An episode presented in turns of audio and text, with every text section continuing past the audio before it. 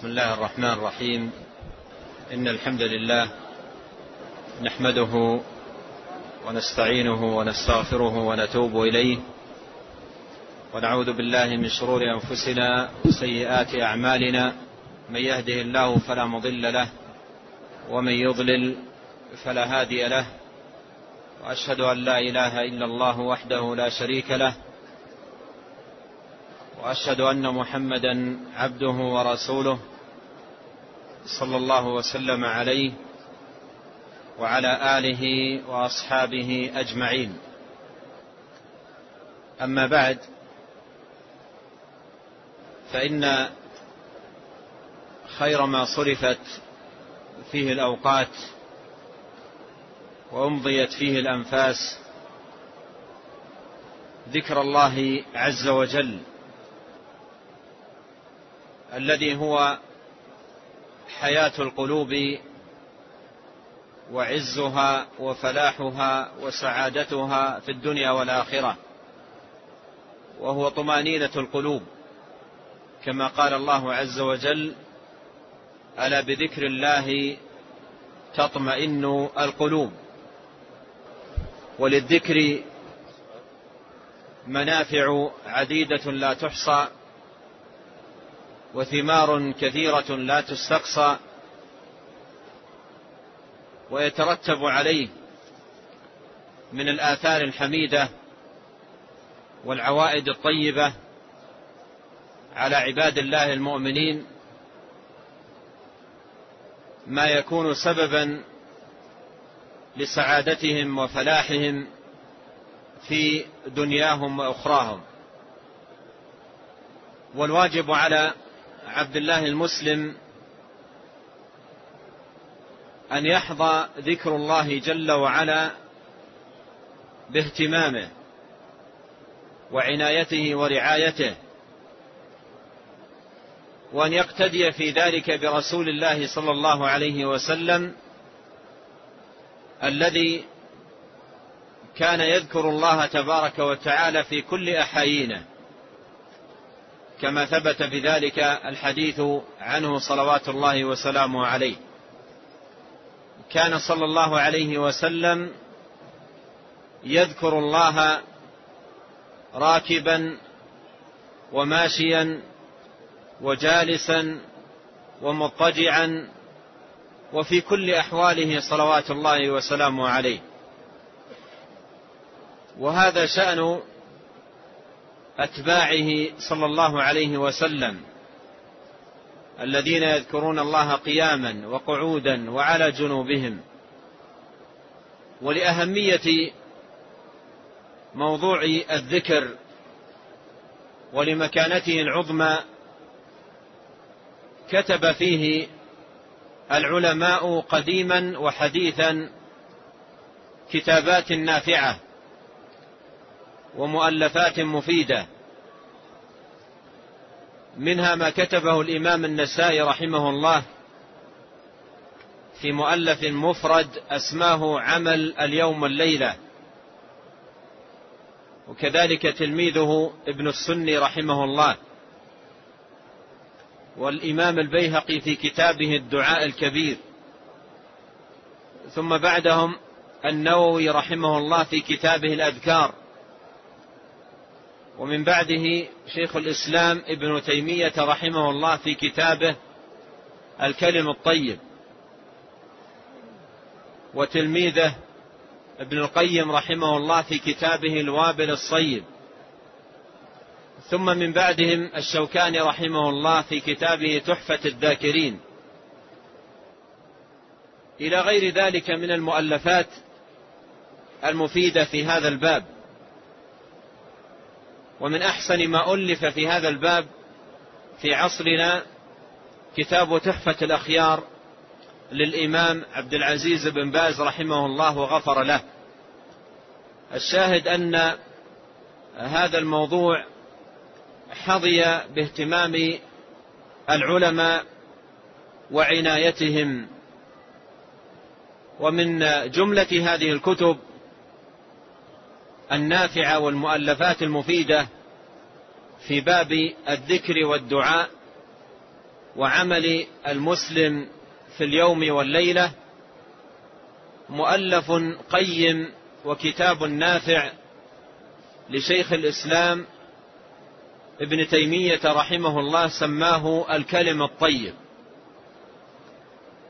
وهذا الكتاب من أنفع الكتب التي ألفت في هذا الباب وحوى جملة من الأحاديث العظيمة وكذلك جملة من التبويبات النافعة فيما يتعلق بالذكر والدعاء وعمل المسلم في يومه وليلته.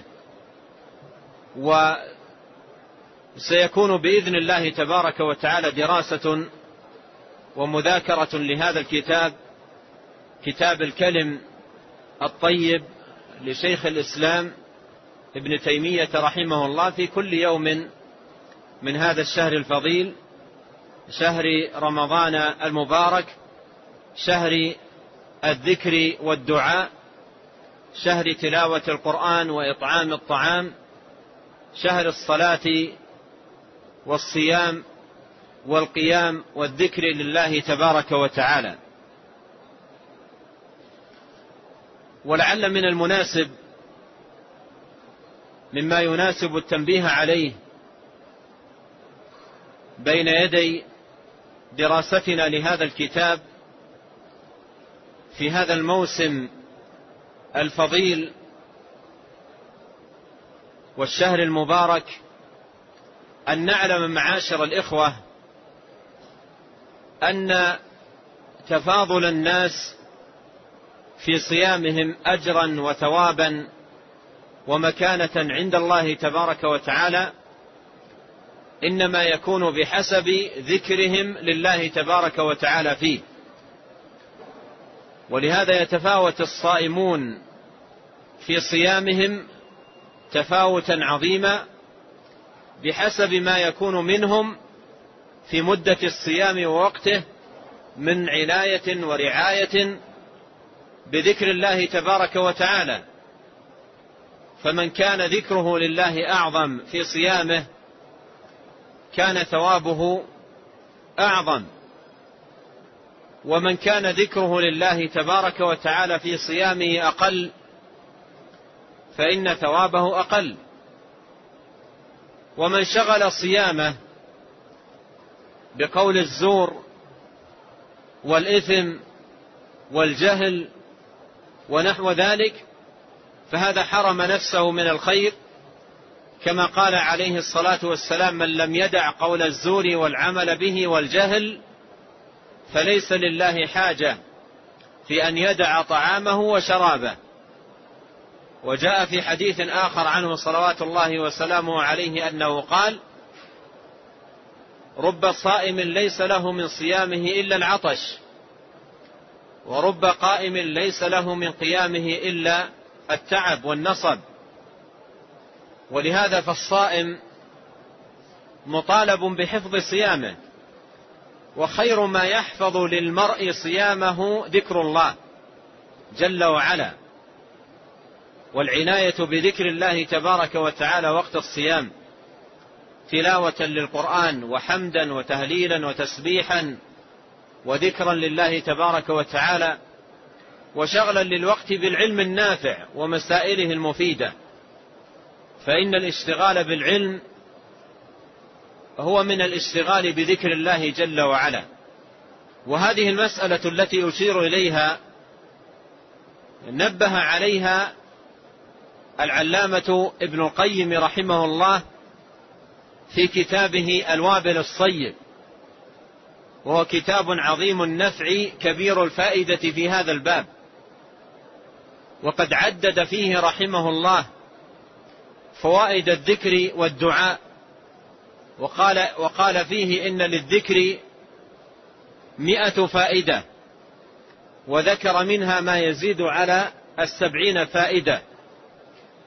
في هذا الكتاب القيم نبه مؤلفه رحمه الله العلامة ابن القيم على هذه المسألة وهي أن حظ الصائمين من صيامهم بقدر ذكرهم لله تبارك وتعالى فيه. وأورد حديثا ثابتا عن النبي عليه الصلاة والسلام بشواهده ألا وهو أنه صلى الله عليه وسلم سئل قيل له أي الصائمين أعظم أجرا؟ قيل له أي الصائمين أعظم أجرا؟ قال أكثرهم لله ذكرا. قيل أي الحجاج أعظم أجرا؟ قال أكثرهم لله ذكرا. قيل أي المصلين أعظم أجرا؟ قال أكثرهم لله ذكرا. فلا يذكر عمل من الأعمال إلا ويبين عليه الصلاة والسلام أن أعظم الناس أجرا فيه أكثرهم لله ذكرا فيه. وبناء على هذا الحديث الثابت بشواهده قعد ابن القيم رحمه الله قاعدة مفيدة في هذا الباب ألا وهي أن أعظم الناس أجرا في كل طاعة أكثرهم لله ذكرا فيها. أعظم الناس أجرا في كل طاعة أكثرهم لله ذكرا فيها. فالناس يتفاوتون في طاعاتهم وعباداتهم من صلاة وصيام وحج واعتمار وغير ذلك بحسب حظهم من ذكر الله تبارك وتعالى في تلك الطاعات. ولهذا كان من المفيد للمسلم في كل طاعة يقوم بها وكل عبادة يأتي بها أن يعنى فيها بذكر الله عز وجل. فذكر الله هو روح الطاعات ولبها. وأساسها ولأجلها ولأجله أقيمت وشرعت. إنما شرعت الطاعات لإقامة ذكر الله عز وجل. قال الله عز وجل في الصلاة وأقم الصلاة لذكري.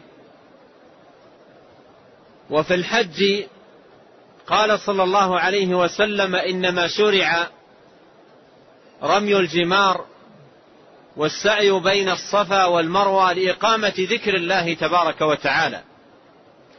وهكذا قل في الصيام والصدقة وكل طاعة يتقرب بها إلى الله عز وجل إنما شرعت لإقامة ذكر الله جل وعلا.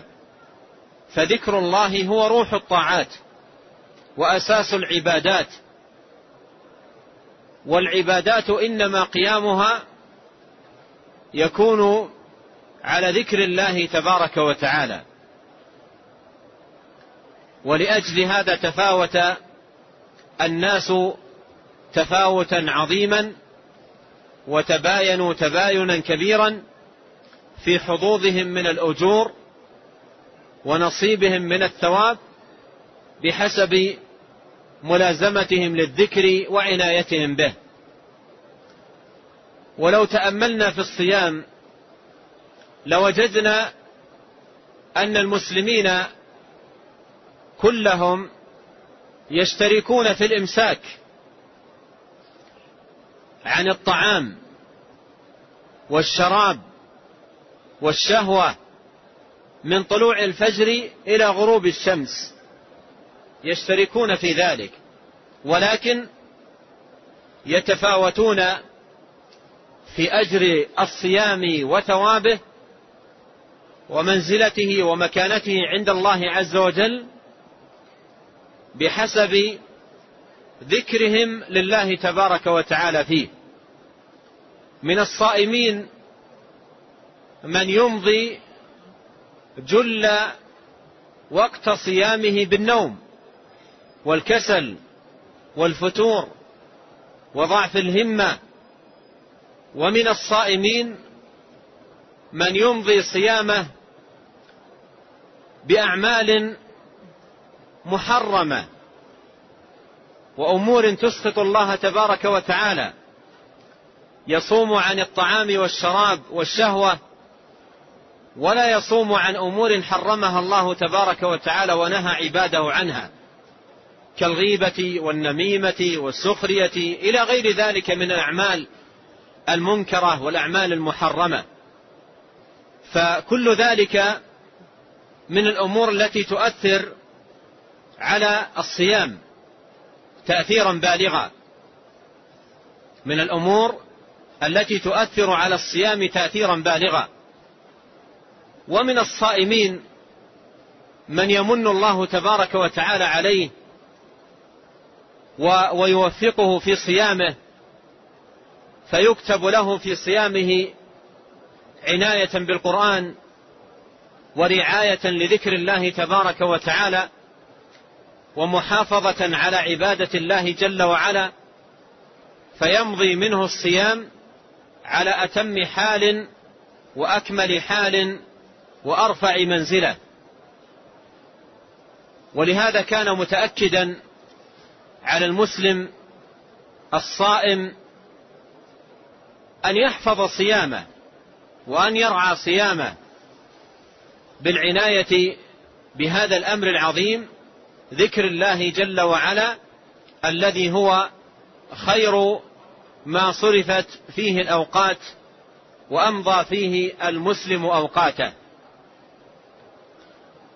ولعل من التوفيق لنا جميعا في هذا الشهر الفضيل أن نقرأ هذا الكتاب القيم والمؤلف النافع لشيخ الإسلام ابن تيمية رحمه الله رجاء أن يكون عونا لنا بتوفيق من الله عز وجل ومن ومعونة على المحافظة على ذكر الله عز وجل والعناية به على الوجه الذي يرضيه عنا سبحانه وتعالى. ونسأل الله عز وجل بأسمائه وصفاته أن يجعلنا له ذاكرين له شاكرين إليه مخبتين منيبين وبه ومنه تبارك وتعالى نستمد العون والتوفيق وبسم الله نبدأ. بسم الله الرحمن الرحيم. والصلاة والسلام على أشرف خلقه محمد عبد محمد بن عبد الله وعلى آله وأصحابه أجمعين. أما بعد يقول شيخ الإسلام أحمد بن تيمية رحمه الله اللهم صل وسلم على أشرف خلقك محمد ولله الحمد وكفى وسلام على عباده الذين اصطفى وأشهد أن لا إله إلا الله وحده لا شريك له وأشهد أن محمدا عبده ورسوله. بدا بدأ المصنف رحمه الله هذا الكتاب. بدأ المصنف رحمه الله هذا الكتاب كتاب الكلم الطيب بالبسملة. بسم الله الرحمن الرحيم. وهو بهذا مقتديا بكتاب الله عز وجل ومقتديا بسنة رسوله المصطفى صلى الله عليه وسلم. ويستحب للمسلم أن يبدأ بالبسملة كل أمر ذي بال فيكون في دخوله وخروجه وقراءته وكتابته وسائر أموره مبتدئا ببسم الله ببسم الله عز وجل. مبتدئا بالبسملة طالبا بذلك عون الله عز وجل وتوفيقه وتسديده فيما شرع وفيما فيما شرع وما قصد إليه من الأعمال الصالحة والأمور النافعة الدينية والدنيوية. ولهذا بدأ المصنف رحمه الله بالبسملة قال بسم الله الرحمن الرحيم. والباء في بسم الله باء الاستعانة. والمعنى أي أبدأ مستعينا بالله تبارك وتعالى. أبدأ كتابي هذا مستعينا بالله. فالجار والمجرور في قوله بسم الله متعلق بمحذوف تقديره أكتب بسم الله أكتب. لأنه كتب هذا الكتاب مبتدئا له بالبسملة مستعينا بالله تبارك وتعالى لجمع هذا المؤلف وتصنيف هذا الكتاب. فالباء في بسم الله للاستعانة. وقوله الله الرحمن الرحيم هذه أسماء حسنى لله تبارك وتعالى. أما اسمه تبارك وتعالى الله فهو دال على الألوهية والعبودية كما قال ابن مسعود رضي الله عنه قال الله ذو الألوهية والعبودية على خلقه أجمعين. الله أي المألوه المعبود الذي يخضع له ويذل ويقصد بأنواع الطاعة وصنوف العبادة ولا يصرف شيء منها لأحد سواه. وابن مسعود رضي الله عنه فسر هذا الاسم المبارك بأمرين. قال ذو الألوهية والعبودية. أما الألوهية فهي صفة الله عز وجل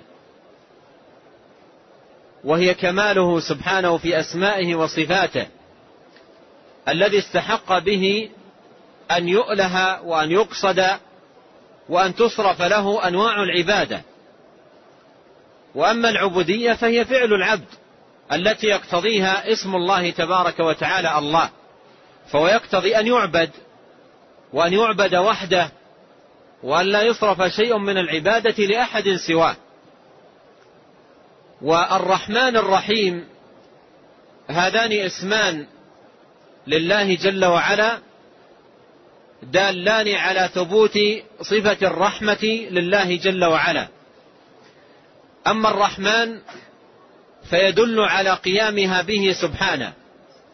وأما الرحيم فهو دال على تعلقها بالمرحوم أو بالمرحومين كما قال وكان بالمؤمنين رحيما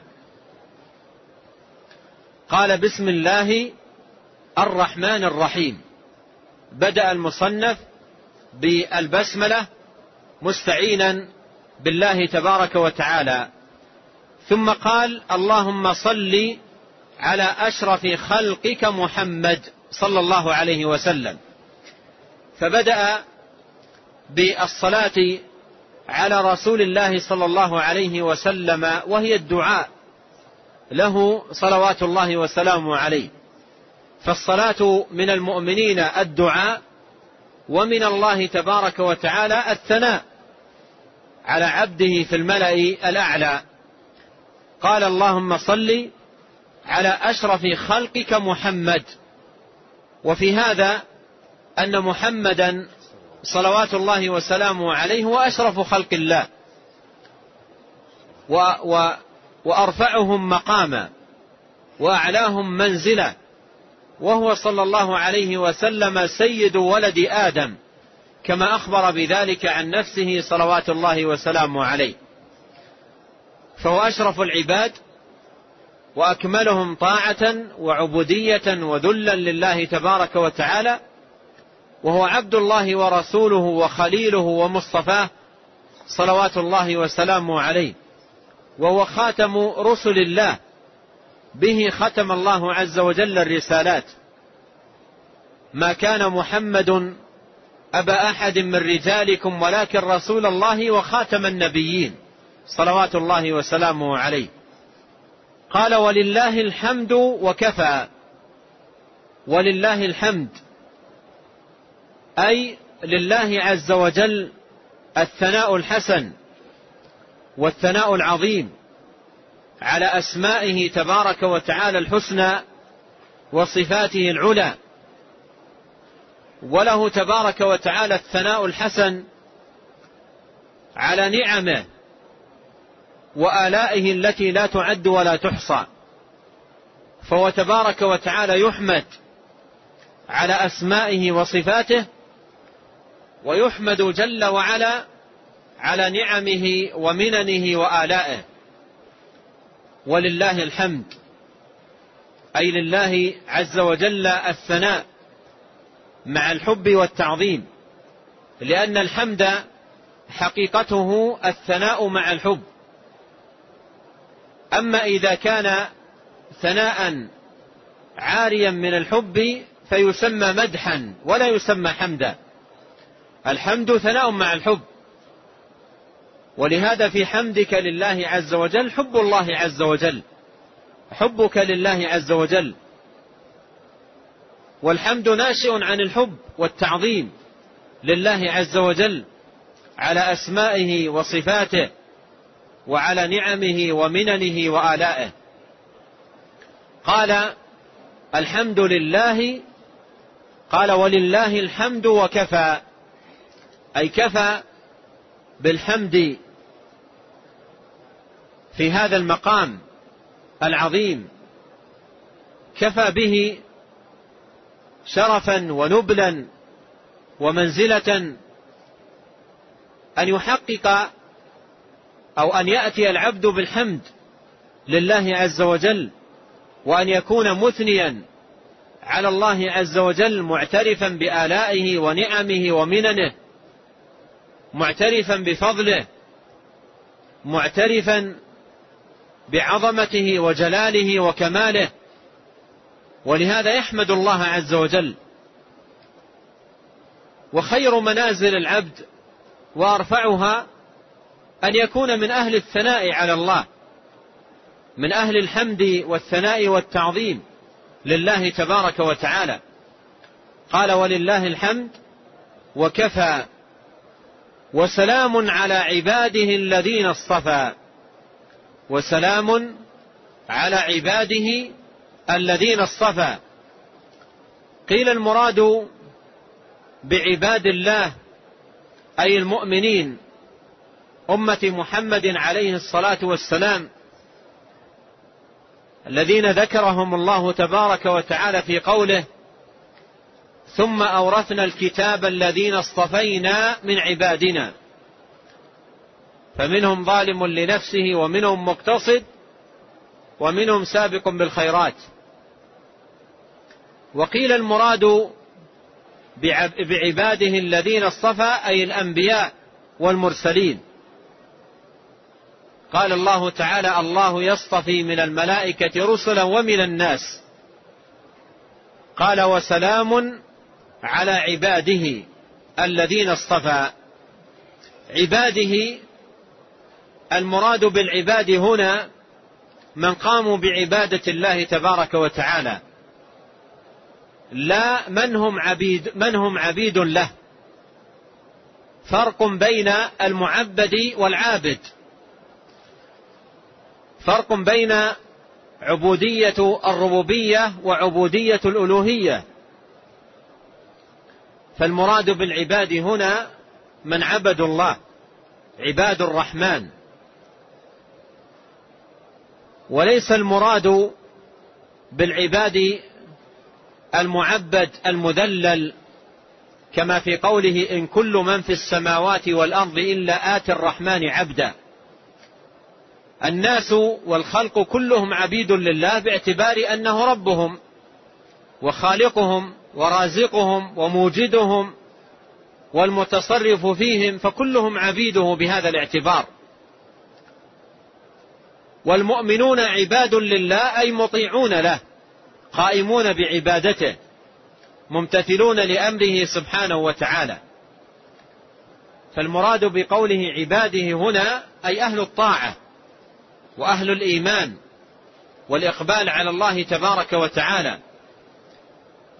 سواء كان المراد بهم خاصة الأنبياء والمرسلين أو المراد بهم عموم عباد الله تبارك وتعالى المطيعين.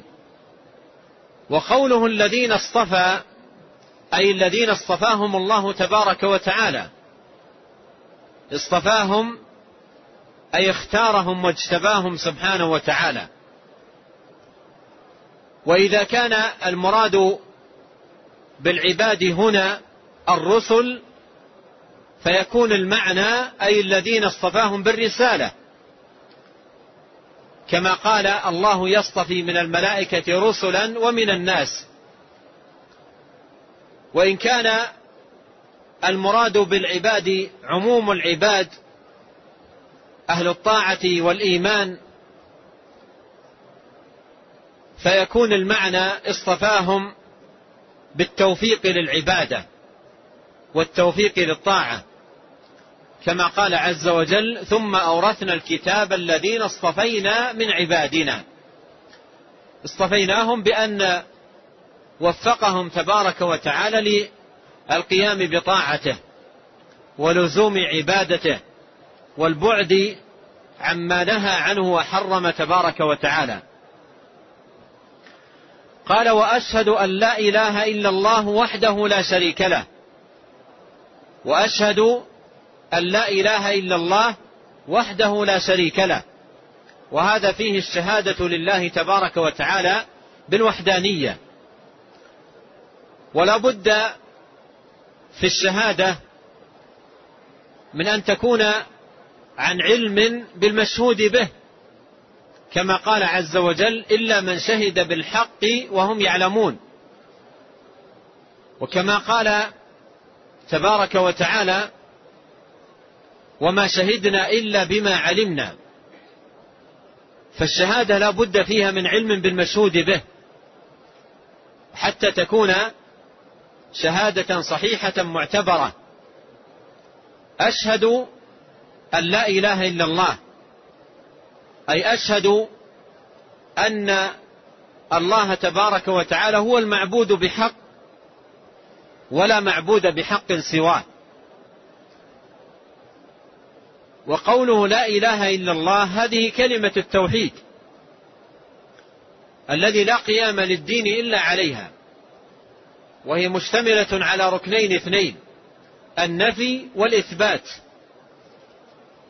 النفي العام في أولها والإثبات الخاص في آخرها. نفي العبودية عن كل من سوى الله عز وجل وإثبات العبودية بكل معانيها لله وحده خضوعا وتذللا رغبا ورهبا طاعة وتعبدا كل ذلك لله عز وجل وليس لأحد سواه فيه شركه وهذا هو معنى لا إله إلا الله. نفي وإثبات. لا إله إلا الله. ولا يقبل من العبد التوحيد إلا بهذين الركنين النفي والإثبات. تنفي العبودية عن كل من سوى الله وتثبتها بكل معانيها لله تبارك وتعالى وحده. ولهذا قال عقبها وحده لا شريك له. وقوله وحده لا شريك له فيه تأكيد للتوحيد الذي دلت عليه كلمة التوحيد لا إله إلا الله. وقد عرفنا أن لا إله إلا الله قامت على ركنين هما النفي والإثبات. ولما كان هذا المقام أشرف مقام أكده بقوله وحده لا شريك له. فإن في قوله وحده تأكيد للإثبات. وقوله لا شريك له تأكيد للنفي. وعليه ما قامت كلمة التوحيد لا إله إلا الله. ومعنى هذه الكلمة أن نخلص العبادة لله تبارك وتعالى أن نعبد الله عز وجل وحده وأن لا نعبد أحدا سواه أن نخلص الدين لله تبارك وتعالى. هذا هو معناها. كما نقول يوميا عقب كل صلاة ودبر كل صلاة لا إله إلا الله وحده لا شريك له. له الملك وله الحمد وهو على كل شيء قدير. لا حول ولا قوة إلا بالله. لا إله إلا الله ولا نعبد إلا إياه. له النعمة وله الفضل وله الثناء الحسن. لا إله إلا الله مخلصين له الدين ولو كره الكافرون. فالمسلم كل يوم عقب كل صلاة يهلل أن يذكر كلمة التوحيد لا إله إلا الله مضموما إليها ما يبين معناها ويوضح دلالتها. فلا إله إلا الله معناها أن لا نعبد إلا الله وحده لا شريك له مخلصين له الدين. كما نقول ذلك في تهليلنا دبر كل صلاة. معنى لا إله إلا الله أن لا نعبد إلا الله وحده لا شريك له مخلصين له الدين. ثم قال رحمه الله وأشهد أن محمدا عبده ورسوله صلى الله وسلم عليه.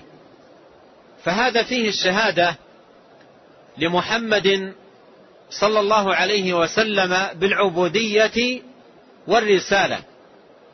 أما العبودية فهو أكمل خلق الله عبادة لله. أكمل خلق الله عبادة لله. فإنه صلوات الله وسلامه عليه كمل مقام العبودية وتمم مقام الطاعة فكان أكمل الناس عبادة. ولهذا صح عنه صلى الله عليه وسلم أنه قال إن أعلمكم بالله وأتقاكم لله أنا. فهو أتقى الناس لله وأعلم الناس بالله تبارك وتعالى. وأكمل الناس قيامة قياما بطاعة الله عز وجل. ولهذا كان صلى الله عليه وسلم أسوة وقدوة لعباد الله المتقين. لقد كان لكم في رسول الله أسوة حسنة لمن كان يرجو الله واليوم الآخر وذكر الله كثيرا. فهو عليه الصلاة والسلام أسوة لأنه كمل مقام العبادة وتمم مقام الطاعة. فلا يشاء المسلم بابا من أبواب البر وسبيلا من سبل الطاعة إلا ويجد في النبي صلى الله عليه وسلم الأسوة والإمامة في ذلك كله. لأنه كمل مقام العبادة لله. وليس في عباد الله من هو أعبد لله منه صلوات الله وسلامه عليه. فهو عبد الله ورسوله صلى الله عليه وسلم وهذا فيه الشهادة له بالرسالة أنه مرسل من عند الله ما ينطق عن الهوى إن هو إلا وحي يوحى. ومن المعلوم أن مهمة الرسول إبلاغ كلام مرسله وما على الرسول إلا البلاغ. فنحن نشهد أنه صلى الله عليه وسلم رسول الله بلغ البلاغ المبين وأدى ما أمره الله تبارك وتعالى بإبلاغه على التمام والكمال وما ترك خيرا إلا دل الأمة عليه ولا شرا إلا حذرها منه.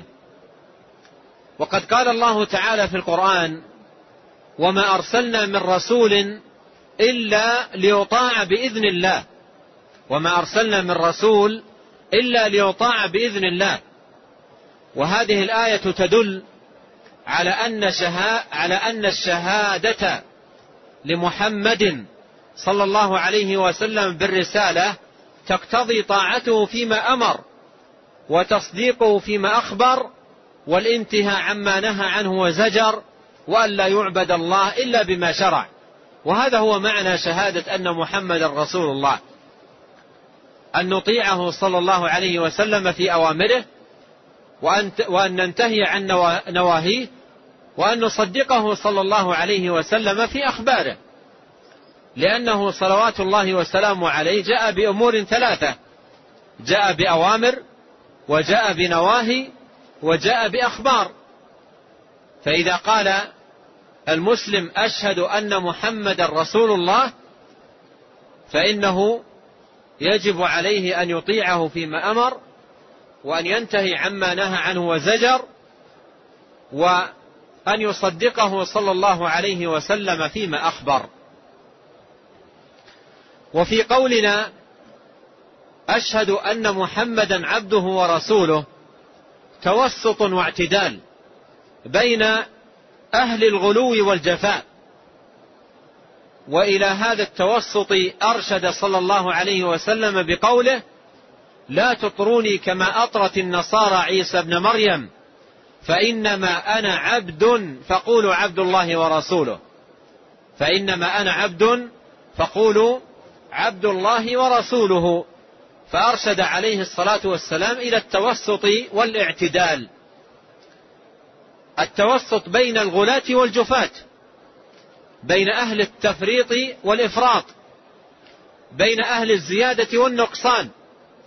والله تعالى يقول عن أمة محمد عليه الصلاة والسلام وكذلك جعلناكم أمة وسطا أي شهودا عدولا لا غلو ولا جفاء لا إفراط ولا تفريط. ومن يشهد أن محمدا عبد الله ورسوله محققا معنى هذه الشهادة فإنه بذلك يكون على الوسطية والاعتدال. فالشهادة بأنه محمد بأنه عبد الله ورسوله فيها التوسط والاعتدال بين أهل الغلو وأهل الجفاء. فمن شهد أنه عبد الله فالعبد لا يعبد. ولا يعطى شيئا من خصائص الرب سبحانه وتعالى. من شهد أنه عبد لله تبارك وتعالى لا يعطيه شيئا من خصائص الله. خصائص الله لله جل وعلا. لا تعطى لا لملك مقرب ولا لنبي مرسل فهو عبد لله عز وجل. قال الله تعالى قل إنما أنا بشر مثلكم. يوحى إلي أنما إلهكم إله واحد. فهو عليه الصلاة والسلام بشر. ليس فيه من خصائص الإله أي شيء.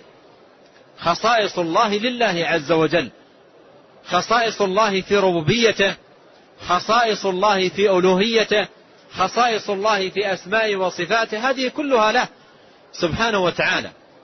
ولهذا أنكر عليه الصلاة والسلام من أعطاه شيئا من خصائص الله. جاء عنه صلى الله عليه وسلم الإنكار على امرأة سمعها تقول وفينا رسول الله يعلم ما في غد. فغضب عليه الصلاة والسلام. وقال لا يعلم ما في غد إلا الله. ولما سمع رجلا يقول ما شاء الله وشئت. مخاطبا النبي عليه الصلاة والسلام. غضب وقال أجعلتني لله عدلا؟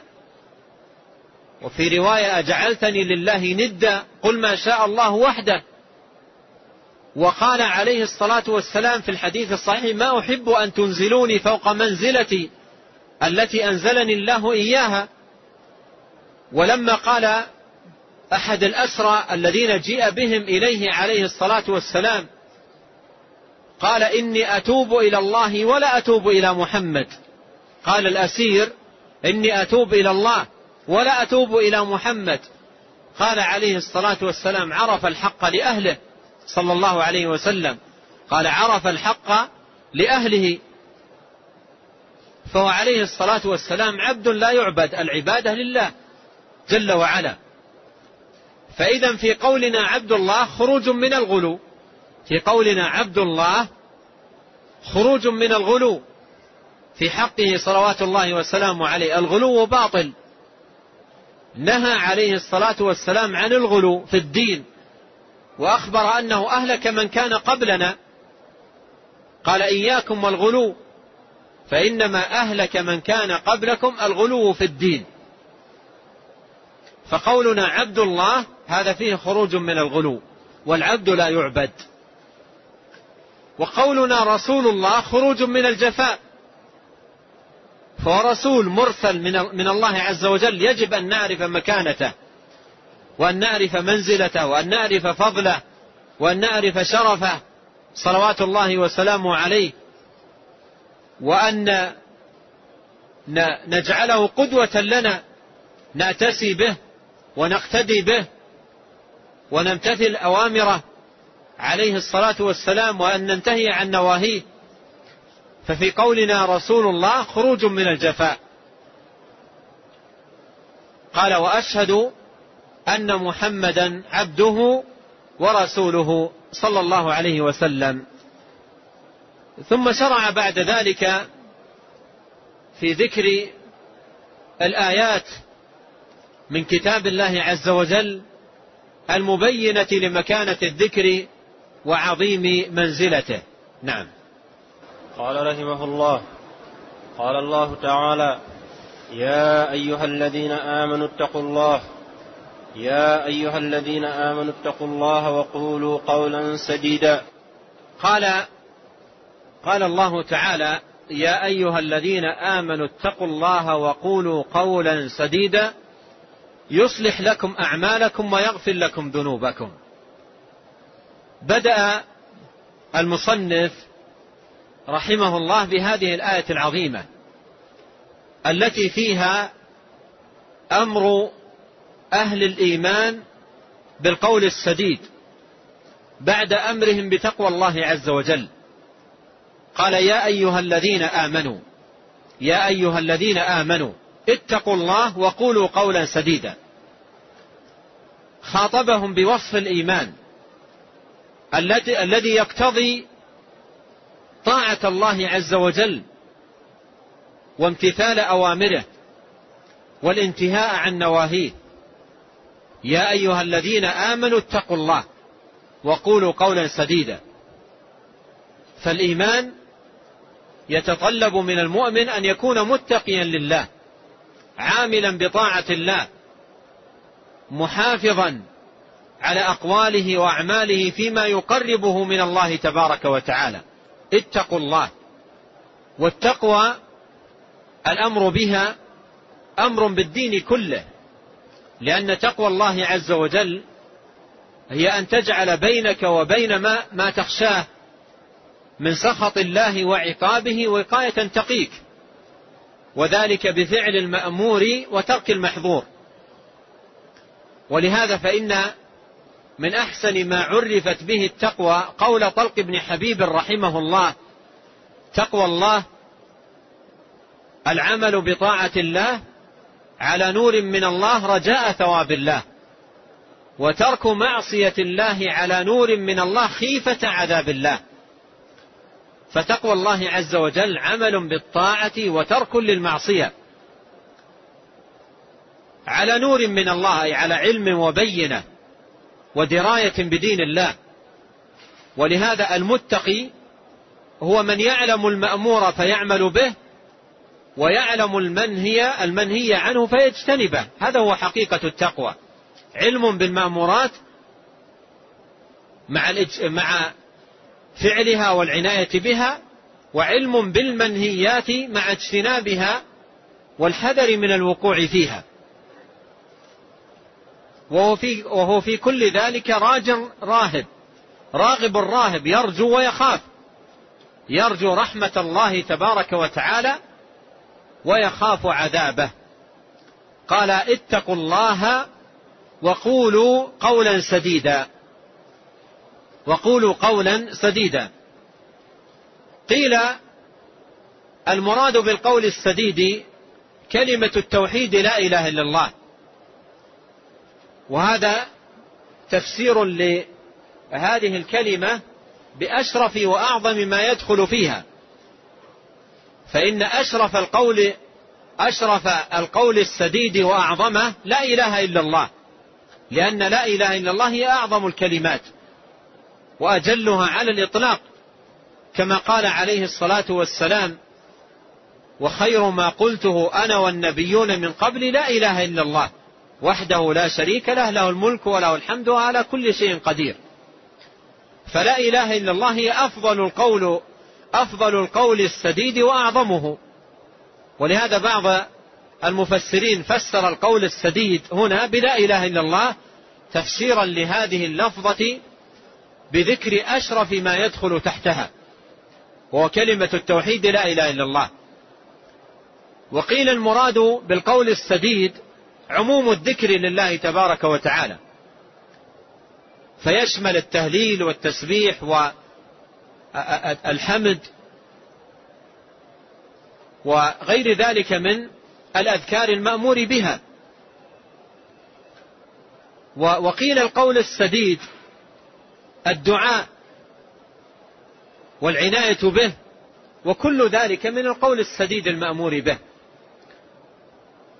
فلا إله إلا الله هي أشرف القول السديد وأعظمه وذكر الله تبارك وتعالى هو خير ما تشغل به الأوقات وتمضى فيه الأنفاس والدعاء منزلته ومكانته عند الله عظيمة وهذا كله من القول السديد.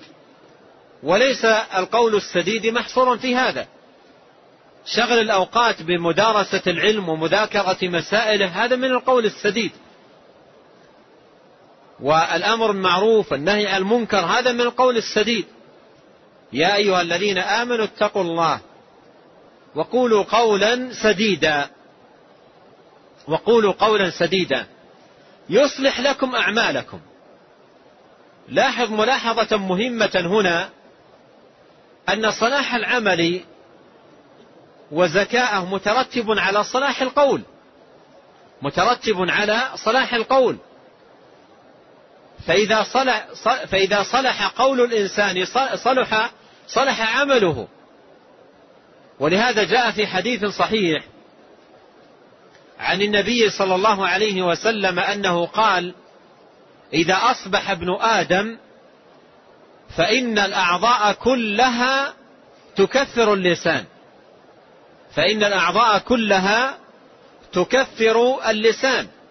تقول اتق الله فينا فإنما نحن بك. وتأمل جيدا قوله عليه الصلاة والسلام فإنما نحن بك أي باللسان. فإنما نحن بك فإن استقمت استقمنا وإن اعوججت اعوججنا.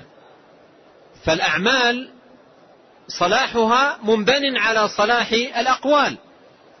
فإذا صلحت الأقوال صلحت الأعمال. ولهذا رتب صلاح العمل على سداد القول. يا أيها الذين آمنوا اتقوا الله وقولوا قولا سديدا يصلح لكم أعمالكم. يصلح لكم أعمالكم. وكثير من الناس لا يبالي بمنطقه لا يبالي بكلامه. بل لا, لا يعد كلامه من عمله الذي سيحاسبه الله تبارك وتعالى عليه يوم القيامة. وقد قال النبي عليه الصلاة والسلام لمعاذ وهل يكب الناس على وجوههم أو قال على مناخرهم إلا حصائد ألسنتهم؟ فاللسان شأنه خطير. اللسان شأنه خطير. وكان بعض الصحابة يمسك بلسان نفسه ويقول والله ليس هناك شيء أحوج إلى طول سجن من اللسان. فاللسان يحتاج إلى رعاية وصيانة. وأن يحفظ الإنسان لسانه بالقول السديد والكلام المفيد الذي يكتب له ولا يكتب عليه. فإذا صان لسانه وصلح لسانه صلحت أعماله تبار... أعماله بإذن الله تبارك وتعالى. قال يا أيها الذين آمنوا اتقوا الله وقولوا قولا سديدا يصلح لكم أعمالكم ويغفر لكم ذنوبكم ومن يطع الله ورسوله فقد فاز فوزا عظيما. لعلنا نكتفي بهذا القدر. سائلين الله تبارك وتعالى التوفيق والسداد والهداية والرشاد والاعانتك على كل خير وأن يعيننا على قيام هذا الشهر وصيامه وأن يستعملنا فيه بطاعته وما يقرب إليه. اللهم أصلح لنا ديننا الذي وعصمة أمرنا وأصلح لنا دنيانا التي فيها معاشنا وأصلح لنا آخرتنا التي فيها معادنا. واجعل الحياة زيادة لنا في كل خير والموت راحة لنا من كل شر.